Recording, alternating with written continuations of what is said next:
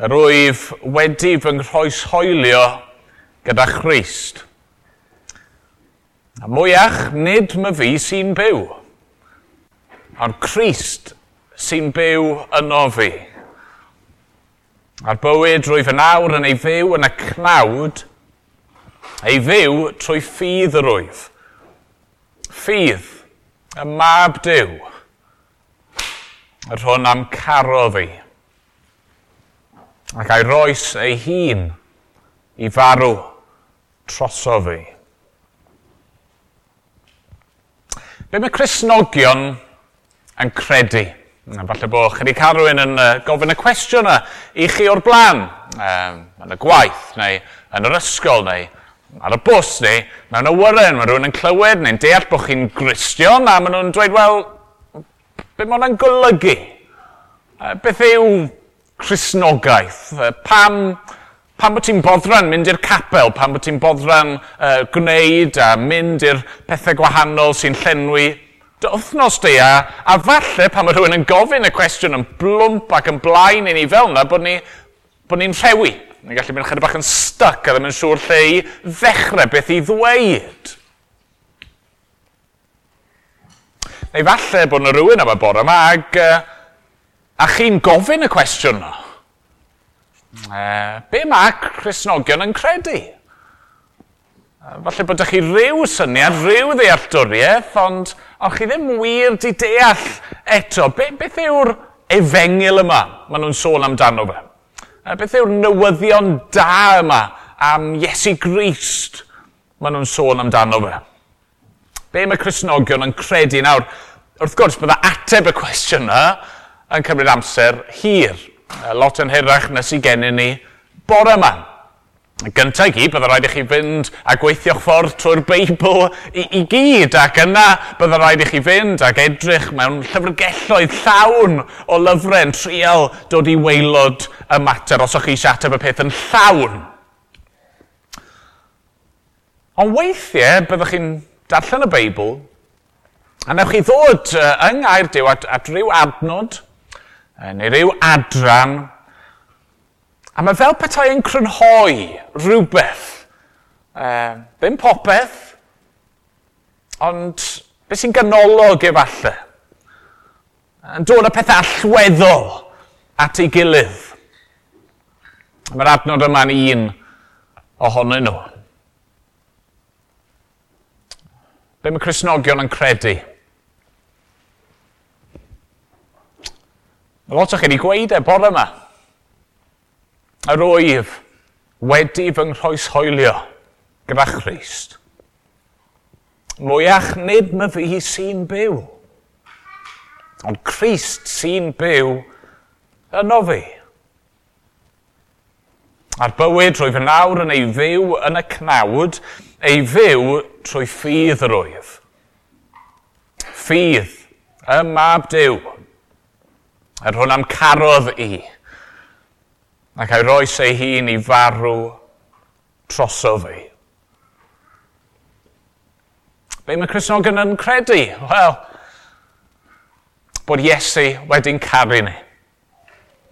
A di roi ei hun i farw trosto ni. Yn beth rhyfeddol i ddweud, A Ni wedi bod yn sôn, mae'n neu rai ohonyn ni falle wedi bod yn meddwl am gariad wythnos yma, dydd San Follant. Pobl yn prynu cardiau i'w gilydd, neu siocledi, neu blodau, neu rhywbeth fel yna. Ond uh, be mae Cresnogion yn credu? Wel, uh, beth mae'r Beibl yn ei ddweud yw hyn, bod Christ wedi'n caru ni gymaint nes fod wedi dod i farw er ein mwyn ni. A be fi eisiau gwneud yn, yn syml bod yma, jyst i edrych ar yr adnod yma nawr. Edrych ar y geiriau yma, mae Paul yn, yn ei dweud, ond mae'n siarad o'i brofiad personol e, ac uh, i fi eisiau i, i ni fel Cresnogion i allu dweud y geiriau yma, ac uh, a gwybod bod nhw'n wir, a, a credu nhw dros ni'n hunan, ac, ac i fi eisiau i unrhyw un sydd, sydd ddim eto'n Gristion, neu sydd falle ddim yn siŵr lle maen nhw'n sefyll, fi eisiau chi i, i, i weld beth sydd ar gynnig i chi. I ddechrau te, beth cyntaf ni'n gweld yw bod Iesu wedi roi ei fywyd troso fi.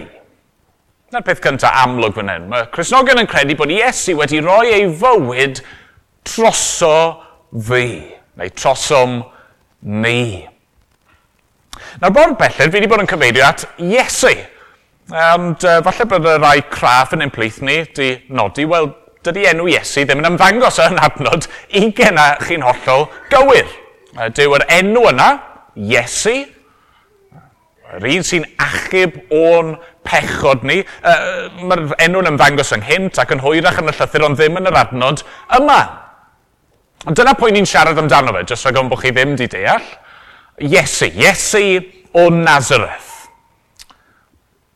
Ond sy'n mae'n cael ei gyfeirio ato fan hyn? O fel Christ, Mesia. A be mae'r gair yn golygu yw, fe yw y brenin mae Dyw wedi addo i anfon. Fe yw y Mesoea, y Crist, yr un sydd wedi ei eneinio, wedi ei lenwi gyda ysbryd glân Dyw a wedi ei anfon i achub ei bobl. A dyna pwy yw e. Fe yw'r Crist sydd um, di dod fel gwas i fydd ac wedi byw bywyd o eddiddod perffaith a di cadw cyfraith Dyw yn llawn. Fe yw'r un sydd wedi byw y bywyd gorau erioed. Bywyd perffaith, bywyd fel mae ei fod. Bywyd mewn perthynas llawn gyda y tad. Ond mae'n enw arall yn cael ei roi, iddo fe hefyd yn does. Yn ydy'n unig fe yw'r Christ, ond fe hefyd yw mab Dyw. Mae'n deall fan hyn fod Dyw y tad wedi anfon ei fab, y Mesoea, y nerth yr ysbryd glân, yn i'w adrindod, Dyw, tad, mab ac ysbryd glân wedi bod ar waith er mwyn ein achub ni. A dyna pwy yw Iesu, Iesu o Nazareth, mab y sair. Fe yw y Crist, mab Dyw. Mae wedi dod i'n pleith ni, wedi dod yn un ohono ni. A mae wedi dod yn berson go iawn, yn berson ni'n gallu adnabod, person oedd Paul yn gallu siarad amdano fel un oedd e mewn perthynas gyda fe. A ni wneud syniad yw Iesu, y Christ, mab Dyw, neu rhyw fath o symbol, ond person, person, uh, os o'ch chi'n ei weld e, byddwch chi'n gallu gafel yn ddyfau a'i gyffwrdd a'i gofleidio fe. A be mae'r person unigryw, rhyfeddol yma di wneud? Wel, mae di roi ei fywyd dros o fi. Dyna mae Paul yn dweud, nag yfe? Yr hwn am carodd i, ac a'i roes ei hun i farw troso fi. So, Mae'r Beibl yn dweud bod ni angen y person yma. A ni angen e achos bod gennym ni broblem. A'r broblem sydd yn ni, e, er falle bydd y rai ohonyn ni ddim yn gweld e fel problem, ond mae'r Beibl yn dweud y broblem yw bod ni gyd i byw er mwyn ni ein hunan. A ni wedi byw uh, mewn ffordd sydd yn ein gwahanu ni oddi wrth ddiw. Oddi wrth y tad. Oddi wrth yr un sydd wedi'n creu ni a wedi'n caru ni a wedi rhoi bywyd i ni. O'r Beibl yn dweud fod uh, uh, y broblem yma ni'n difrifol. Yn ei bod ni ddim just di dewis mynd ein ffordd ein hunan a bod hynny'n beth uh, ni'n rhydd i'w wneud, peth niwtral. Na, mae'r ma, bywyd yma yn wrth ryfel yn erbyn y brenin. Mae'n sarhad yn erbyn ein creawdwr ni, ac mae'n heiddi cosb. Mae'r gair yn dweud fod Dyw yn cosbi pechod. Mae Dyw yn cosbi pob pechod Ac felly'r unig obeth sydd yn ni, yr unig ffordd i ni i osgoi y gosb yna yw bod yna un arall yn cymryd y gosb yn ein lle ni. Un arall yn cael ei gyflwyno fel aberth yn ein lle ni. Mae wedi bod yn stormus, mae wedi cyfeirio at ni sawl gwaith yn doa. Fe wedi clywed tipyn o, o darannau, ond, ond sa'n ni sylwi neu sa'n ni gweld mellt Mae mellt yn beth, uh, wel i fi'n eitha mwynhau gweld mellt, mae rai pobl ddim yn hoffi weld e, yma'n codi uh, dychryn, a chi'n deall pam. A ni, mae yna rhyw bwer yna'n does, mae'n beth peryglis. Chi, fi'n offi gweld e, sa eisiau mynd yn agos ato fe, sa eisiau cael ynghyffwrdd ganddo fe. Pan mae mellt yn taro, mae'n mae, ddinistriol, mae'n niweidiol. A felly wrth gwrs, bydd lot o'ch chi'n gwybod uh, e, un peth sy'n cael ei wneud yn aml yw bod na, bod na lightning rod yn cael ei osod yn does. Uh, polyn, gwialen o ryw fath yn cael ei osod yn uchel uchalan ar ben a deilad mewn man uchel. Felly pan mae'r mellt yn dod, mae dyna sy'n cael ei daro a fod y bobl a'r adeiladau a'r gweddill o'i gwmpas e yn ddiogel. Mae'r lightning rod yn cael ei daro, mae'r gweddill yn cael ei harbed. A, a be mae Paul yn dweud fan hyn yw bod Iesu wedi, wedi'n caru ni a wedi rhoi ei fywyd e drosto fi. Mae wedi cael ei daro gan ddew yn fy lle i. A wedyn caru ni er bod ni ddim yn heiddi i gariad e, er bod ni ddim byd yno ni i ennill ei gariad e, ond mae wedi dewis dod a wedi dewis roi ei fywyd e drosto ni. Er mwyn i ni gael maddeiant. Y peth cyntaf. Y peth cyntaf i ni fel Cresnogion yn credu mae Iesu wedi roi ei fywyd droso fi. Ond mae yna fwy i ddweud yn does. Ond Paul yn dweud rhywbeth uh, pellach. Mae'n dweud bod Iesu wedi roi ei fywyd gyda fi. Be mi'n golygu? Ond mae'n dweud rhywbeth trawiadol yn dydy, reit ar ddechrau'r adnod. Yr wyf wedi fy nghoes hoelio gyda Christ. Ie, yeah, waw. Waw! Hynny yw, nid yn unig mae Christ wedi wneud rhywbeth drosto fi, ond mae Paul yn dweud bod yna newid wedi digwydd ynddo fe, bod yna rhywbeth wedi digwydd iddo fe. Er wyf, wedi fy nghroesoeddio gyda Christ. Na mae'n amlwg fod Paul ddim yn siarad yn llythrenol neu ddim yn gwbl llythrenol fan hyn. Ja, Chi'n gwybod pam yr arglwydd Iesu Grist yn hongian ar y groes? Roedd yna ddau ddyn yn cael eu croesoelio gyda fe. Nid Paul oedd un ohonyn nhw. Ond dyw Paul ddim chwaith fan hyn yn siarad yn yn symbolaidd. Dwi e ddim fel tas fe'n dweud, o, nawr bod fi yn credu yn Iesu, bod fi'n unieithu gyda fe yn llwyr. Na, mae yna rhywbeth dyfnach, mae yna rhywbeth mwy fan hyn. Mae Paul yn dweud, trwy ffydd, mae yna rhywbeth wedi digwydd iddo fe. Wrth iddo fe gredu yn Iesu Grist, credu yn yr aberth yna, uh, mae Iesu wedi gyflwyno drosto fe, mae yna rhywbeth i digwydd i Paul. Mae e wedi cael ei uno gyda'r arglwydd Iesu Grist. Mae'r Beibl yn dysgu'r peth rhyfeddol yma. Ein bod ni fel Cresnogion, trwy waith yr ysbryd glân yno ni, yn cael ein uno a Christ. Yn Saesneg, y term byddwn ni'n defnyddio yw union with Christ. Ac um, mae'r gair yna falle'n helpu ni. Chi'n uh, reunion. Um, Hynny yw, chi'n meddwl yn syth yn dich chi am, am briodas a'r uno yna sy'n digwydd rhwng gŵr a graig. A pa mae gŵr a graig yn priodi, maen nhw'n cael ei ystyried nawr yn un cnawd, un person sydd gyda chi.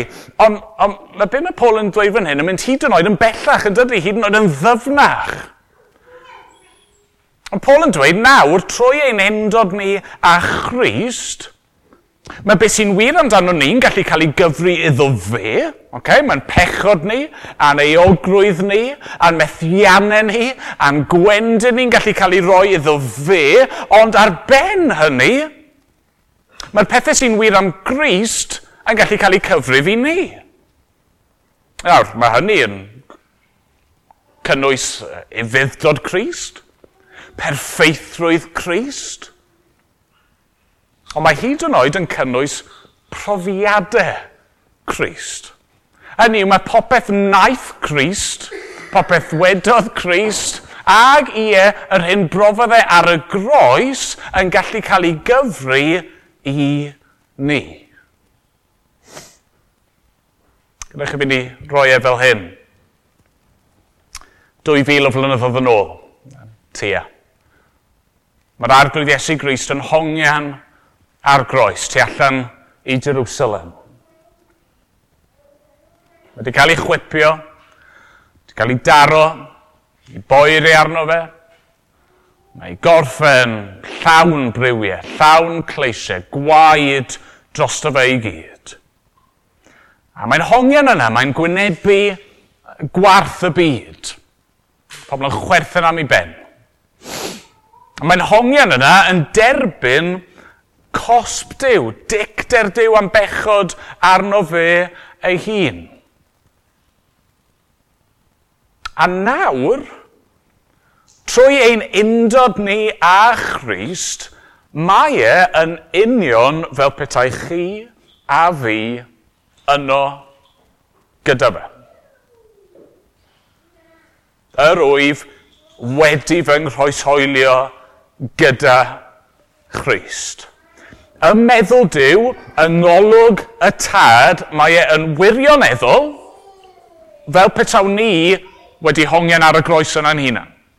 A wedi derbyn y gosb llwyr a llawn am ein pechod ni. Nawr, diolch byth nath Christ dioddef yn ein lle ni o'n i ddim yn gorfod mynd trwy hynny. Nath ei brofi hynny ar ein rhan ni, ond mae ei brofiad ei yn cael ei gyfrif i fi yn gymaint a bod fi fy hun yno gyda fe. Na mae hynny, os yw hynny'n wir, ac os yw ni wedi profi hynny, mae e, yna oblygiadau. Yn gyntaf, mae'n golygu diwedd ar ei ogrwydd. Mae lot o bobl yn byw i bywydau nhw'n llawn euogrwydd, llawn cywilydd. Dyma un o'n problemau mawr ni, yn aml iawn. Falle bod ni ddim yn gweld, e, ond dan y wyneb, mae yna rhyw eogrwydd, rhyw gywilydd.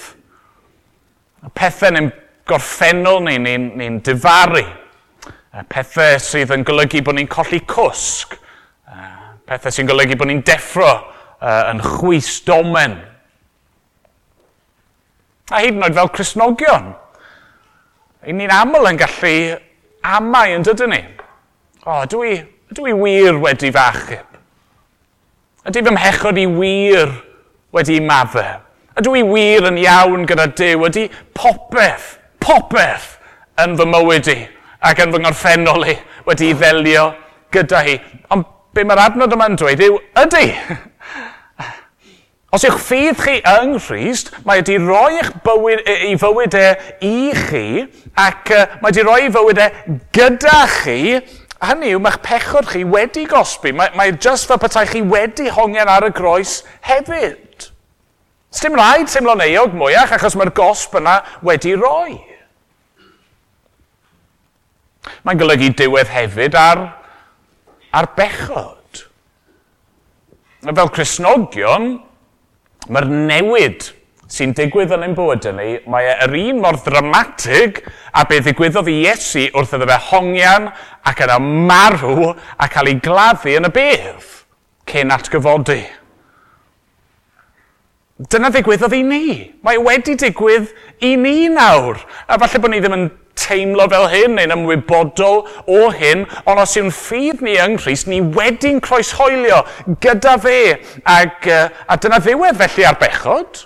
Dyna ddiwedd ar yr hen ffordd o fyw, yr hen berson. Ys dim pwer gan bechod mwyach drostoch chi. Ni di marw iddo fe, ni wedi'n croeshoelio gyda Christ. Mae'n golygu diwedd i ddilyn y byd. Mae Paul fan hyn yn dweud rhywbeth shocking. Paul, yr phariseiad gynt, yn dweud bod e wedi ei groeshoelio. Oedd y farwolaeth yma, croeshoeliad yn beth erchill. Oedd e'n beth gwarthus yng ngolwg y byd, oedd e'n felltydd yng ngolwg yr iddewon. Doedd e ddim yn rhywbeth byddwch chi eisiau hawlio amdano chi eich hunan. Ond dyna mae Paul yn dweud sy'n wir amdano fe. Fi wedi fy nghroeshoelio gyda fe. A felly yn yr un ffordd nath y byd troi ei gefn arno fe, a'i wawdio fe, a'i sarhau e, a chwerthin am ei benne, a'i watwar e. Geith ni fod yn wir amdano fi nawr. Sa'n mynd i ddilyn ffordd y byd mwyach. Sa'n mynd i geisio clod y byd mwyach. Sa'n mynd i ddilyn yr un llwybr a phawb arall mwyach. Sa'n mynd i becso be mae pobl eraill yn meddwl amdano fi. Achos fi wedi fy nghroeshoelio gyda Christ. Fi gyda fe. Mae e gyda fi. Ond yna mae'n un pwynt ola yn does. Mae Iesu di roi ei fywyd fywydau troso ni. Mae'n di roi ei fywyd e gyda ni. Mae hefyd yn rhoi ei fywyd e i ni. Mae Iesu wedi'n caru ni a wedi rhoi ei fywyd i fi. Rwyf wedi fy nghroeshoelio gyda Christ. Mwyach, nid my fi sy'n byw, ond Christ sy'n byw yno fi. A'r bywyd rwyf yn awr yn ei fyw yn y cnawd, ei fyw trwy ffydd y rwyf. Ffydd, y mab dew yr hwn am carodd i, ac a'i roes ei hun i farw trosodd fi. Ond mae'r arglwydd Iesu, y Christ, mab Dyw. Mae wedi'n caru ni a mae wedi dod nid yn unig e, er mwyn marw drosto ni fel aberth, a nid yn unig e, er mwyn i ni allu um, gorffen gyda eogrwydd a, a phechod a, a'r byd, a mae wedi dod er mwyn rhoi bywyd i ni. Rhoi ei fywyd e i ni. Mae wedi dod i roi bywyd trygwyddo ac mae'r bywyd yna yn dechrau nawr, chi'n gweld. A ni, dyw bywyd trygwyddo ddim yn rhywbeth sy'n disgwyl am y Cristion pan ni'n marw. Mae yn dechrau heddiw.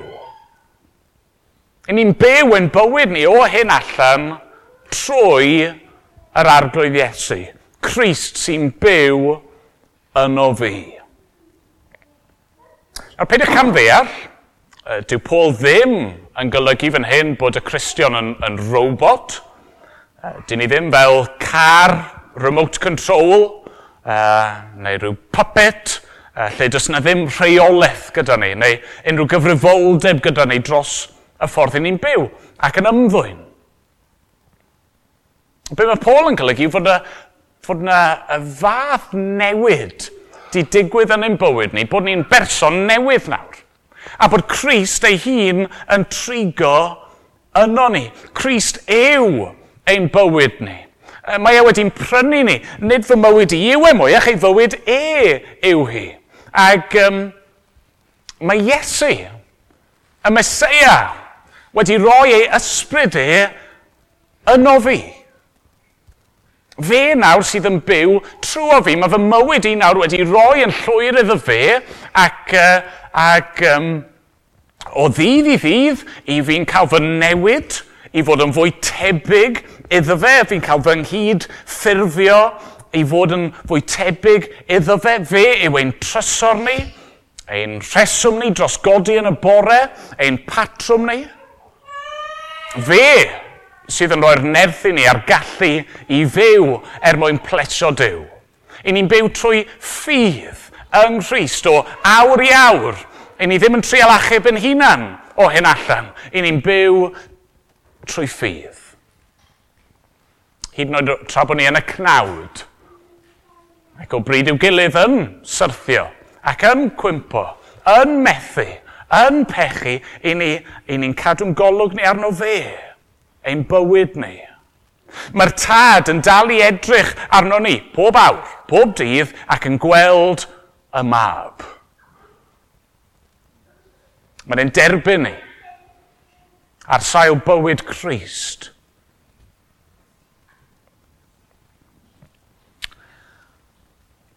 Wedi rhoi fywyd i ni. Dyma yw eich bywyd chi nawr, dyma eich reswm chi dros fodoli, Christ. O'n i'n gofyn ar y dechrau, be mae Cresnogion yn credu? A ni di rhyw fath o ddechrau crafu'r wyneb fan hyn. Chol, y peth pwysig yw, beth, beth ych chi'n credu? A ni Iwan, mae penod un ar ddeg, Mae Iesu'n siarad efo y graig, graig o'r enw Martha. Mae brawd Martha, Lazarus, di marw. A mae Iesu di mynd at y teulu a mae'n mynd i atgyfodi Lazarus, ond cyn hynny, mae'n dweud wrth Martha, my fi yw'r atgyfodiad a'r bywyd. Pwy bynnag sy'n credu yno fi, er iddo farw fe fydd byw. A phob un sy'n byw ac yn credu yno fi, ni bydd marw byth. A wyt ti'n credu hyn? Dyna sy'n bwysig, nag yfe? Nid dyma mae'r Beibl yn ei ddysgu, er mae hynny'n bwysig. Nid dyma yw'r gwirionedd, os ni'n derbyn a'i peidio, er mae hynny yn bwysig i ddweud. Y cwestiwn mawr yw, wyt ti'n credu hyn? Wyt ti yn gallu dweud y geiriau yma? roedd wedi fy nghroeshoelio gyda Christ. A mwyach nid mae fi sy'n byw, ond Christ sy'n byw yno fi. A'r bywyd roedd yn awr yn ei fyw yn y cnawd, ei fyw trwy ffydd yr wyf. Ffydd y mab diw. Yr hwn am caro fi. ac a'i roes ei hun i farw troso fi. Ydych chi'n gallu dweud y geiriau hynny a gwybod beth bynnag yw eich sefyllfa a'ch profiad a beth bynnag chi'n gwynebu a sio bynnag chi'n teimlo heddi, dyma sy'n wir amdano chi. Os felly gwyn ein byd ni. Diolch i ddew. Amen.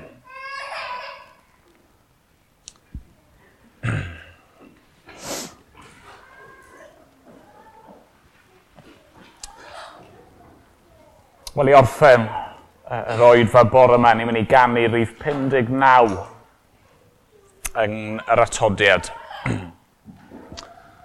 59. Yng Nghyst ei hun, mae'n ngobaith i. Ef yw fy hael, fy nerth fy nghan. Mae'n gongl fain, mae'n dir mor gryf. Craig yw i mi mewn dŵr a than ac yn yr ail bennill, yng Nghyst ei hun a wisgodd gnawd llawnder fy niw mewn baban bach. Mae'n anreg serch, mae'n berffaith iawn, er maent y gwawd gan wir ei wlad. Nes ar y groes bu farw ef gan lwy'r fodloni llyd yn ef, gan sroddwyd arno bob un bai. Yn angau Christ, mae mywyd i. Ac ymlaen o'n i sefyll i ganu.